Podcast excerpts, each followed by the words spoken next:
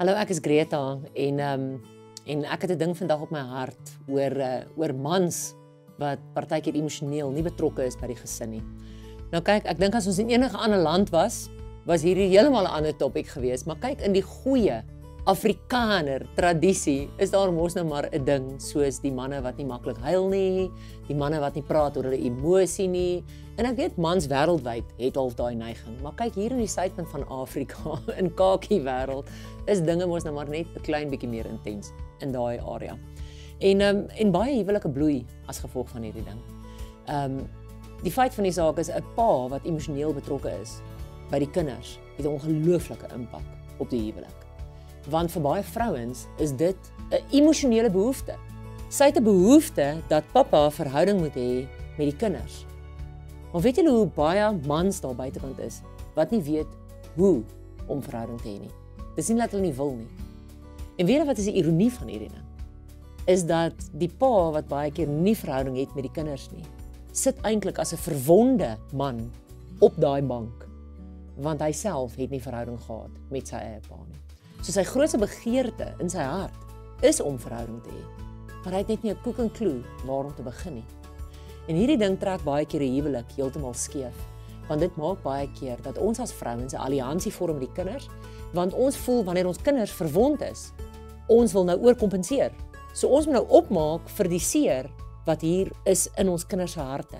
Ons begin om ons mans te verwyd. Ons begin op 'n ander manier met hulle te praat en later onttrek ons uit hierdie huweliksverhouding uit sonder dat ons dit regtig waar besef. Partykeer onttrek ons nie. Partykeer is ons in die verhouding, maar daai verhouding word absoluut gekenmerk aan wrevel en resentment en as die vrouens kinders van die Here is, dan sit hulle later die kroon op die man se kop want jy weet, um, die Here sê die man is die koning van die huis, maar sy sit hom op so in goeie Afrikaans op so gatvol manier daarneer. Sy wil nie regtig nie, Margreta weet wat die Here sê ek moet. En dit beteken sy word 'n passiewe, aggressiewe vrou. En dit impakteer alles. Want sy maak later nie haar hart oop teenoor haar man nie. Sy word later die vrou wat oorkompenseer met haar kinders. Sy word die vrou wat heeltyd voor die Here se voete lê vir haar man se emosionele deurbraak. Nou. Die heel eerste ding wat jy vandag moet hoor is as jou man emosioneel nie so connected is met die kinders of met jou soos wat jy graag wil wees nie of wil hê nie.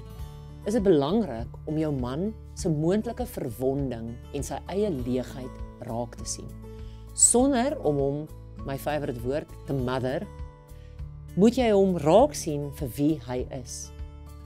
Baie mans sukkel om daai tree te gee want hulle voel hulle is nie goed genoeg nie. Hulle voel verwerp en weet wat? Baie van hulle is bang vir die verwerping omdat hy nooit die voorbeeld gehad het nie. Weet jy hoe belangrik is jou man jou erkenning na jou man toe? Weet jy hoe belangrik is jou bevestiging na jou man toe? Ons doen simpel goed man Ons mans ruil ons kinders se doeke as hulle klein is. En dan word ons die vrouens wat sê, "Nee, nie so nie. Wag laat ek eerder." En ons vat dit uit hulle hande uit. Ons word die klomp wat ons mans beskuldig. As Boetie huil of Sissie huil, dan is dit, "Ja, maar liefie, kyk net hoe praat jy met die kind." Ons wil hulle beskuldig. Hoe meer jy jou man beskuldig en hoe minder erkenning jy vir hom gee, hoe meer gaan hy die aard van die saak onttrek. En ek weet, as jy dalk daai vrou is wat wrevel in jou hart het en jy's 'n vrou wat regtig waar jou kant bring, dan hoor jy my nou en jy voel, Greta, hoekom moet ek altyd al hierdie goeders doen? Hoekom moet ek na hom toe gaan en vir hom erkenning gee as hy regtig waar dit nie verdien nie? My sussie, dan wil ek vir jou sê, sonder dat jy jou man gaan erkenning gee en hom gaan innooi in hierdie verhouding in, hom laat voel hy het waarde in hierdie verhouding, gaan jy vir altyd hierdie passiewe aggressiewe vrou wees. Jy gaan nooit joy hê nie. So jy moet iewers besluit, hoe belangrik is dit? Is jy bereid om die knie te buig? Is jy bereid om daai tree te gee en jou man se verwonding of sy vrees of sy verwerping of sy onvermoë raak te sien? Ons vrouens is slim man. Ons kan nie klomp wees wat vir ons manne sê. Wie wat liefie, die kinders het jou vandag gemis of jy wat as hy by die konsert was of hy was by die atletiek of hy het 'n kompliment gegee, sê vanaand vir jou man, "Jo, hoorie my engel, jy kan nie glo. Daai kind is in die sewende hemel oor wat jy vir haar gesê het. Ek weet nie wat het jy vir haar gesê nie, maar daai kind blom absoluut. As die kinders 'n goeie dag gehad het, daar's nie baie bekleierery en so meer en dan sê jy, "Weet wat my engel, dit is so amazing as jy hier is." Die hele huis is rustig. Die hele huis is anders as jy hier is. Weet jy hoe nodig het ons jou? Weet jy hoe amazing is jou verhouding met die kinders? Weet jy hoe mal is die kinders oor jou? Weet jy hoe lekker is dit vir my as vrou? Dit klink so simpel goed. Julle hierdie goeie klink soos basic goed. Dit klink nie eers soos rocket science nie. Maar alle verhoudinge se gesondheid en genesing is altyd in die basic stuff. Gaan gee vir jou man 'n erkenning. Nooi hom daarin. Miskien kort voor lank terwyl jy hom so innooi. Word hy die man wat van die bank af opstaan en begin om emosioneel betrokke te wees by die kinders. En die beste deel van alles is, nie net jou kinders gaan blom nie. Hy gaan ook blom. En jou huwelik gaan die een wees wat absolute vrug dra ook eendag vir jou kleinkinders.